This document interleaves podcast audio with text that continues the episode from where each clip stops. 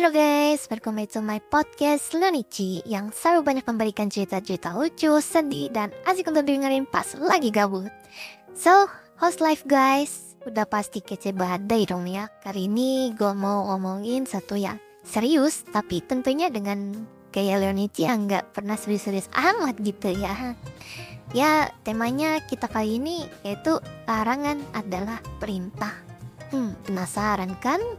Sebelum kita deep dive ke cerita gue, mari kita pahami dulu ya apa sih maksud dari larangan adalah perintah. Well, you know how sometimes when someone says don't, it can make you wanna do it even more. Yap, it's that rebellious spirit in all of us. Jadi, yuk dengerin pengalamanku tentang ini.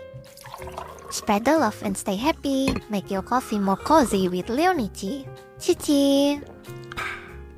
Okay, so here's the guys. Jadi waktu itu gue di SMA dan you know lah ya gimana rules di sekolah kita itu kadang over the top banget lah. Salah satunya adalah larangan pakai HP di sekolah. Tapi gue sebagai anak generasi Z zaman now yang kreatif dan inovatif merasa ini adalah an infringement on my personal freedom.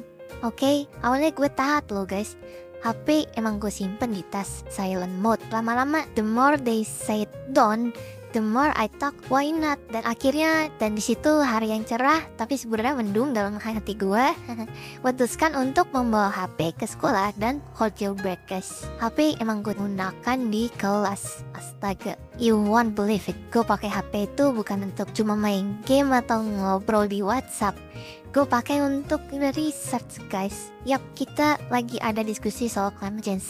And your girl Lanichi here's want to drop some major facts. Tapi apa daya, akhirnya gue ketahuan sama guru dah guys. Dan tebak apa yang terjadi? I got sent to the principal office. Walaupun akhirnya gue ya dihukum Tapi pengalaman ini justru buat gue Jadi lebih paham soal arti kebebasan dan tanggung jawab.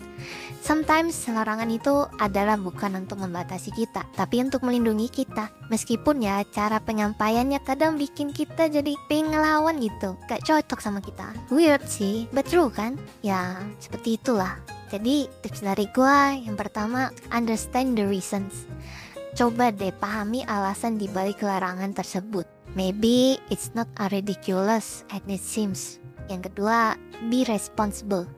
Kalau memang mau berlanggar, ya setidaknya siapin diri untuk tanggung jawab atas pelanggaran yang lakuin. Jangan ya, jangan karena lu melanggar dan akibat-akibatnya lu malah nyalain orang lain atau temen yang di sekitar lu. Dan itu nyebelin banget sih. Oke. Okay? Dan yang ketiga, communicate kalau merasa larangan itu nggak fair atau larangan itu salah, coba komunikasiin aja ke yang bersangkutan.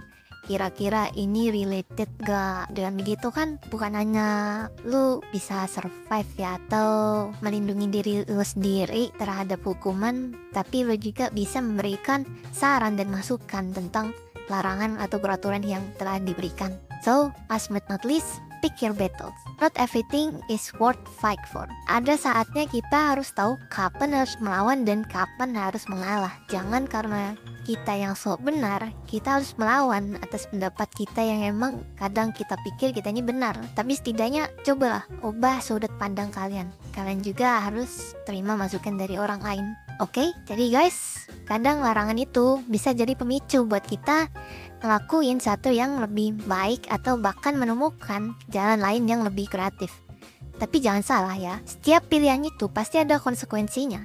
Ingat, life is not about waiting for the storm to pass.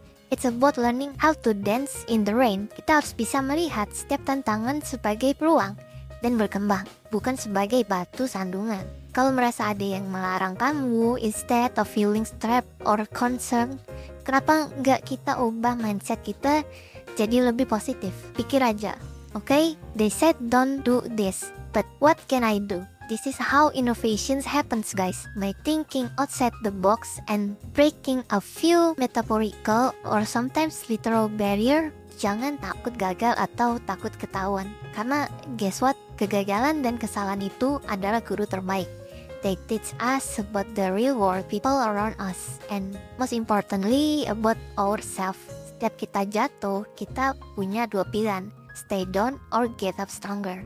So let's take a free don't in our life as a challenge to strive for a better do. Yang penting kita tetap bertanggung jawab dan bijak dalam setiap tindakan kita. Always remember, you have the pen to your own story. Don't let anyone else dictate your narrative. So always stay cheeky and a bit freaky. Tapi tetap bertanggung jawab ya. Oke deh, cukup sekian ya cerita gue di episode kali ini. Kalau kalian punya pengalaman atau tips lain, yuk share di kolom komentar. Jangan lupa juga untuk klik follow dan klik loncengnya agar kalian gak ketinggalan cerita, tips, dan motivasi yang pastinya lebih seru dan excited. Keep dreaming, keep doing, and never let anyone dim your sparkles. See you in the next episode. Semoga lebih ceria ya. Bye bye. Nelly love you.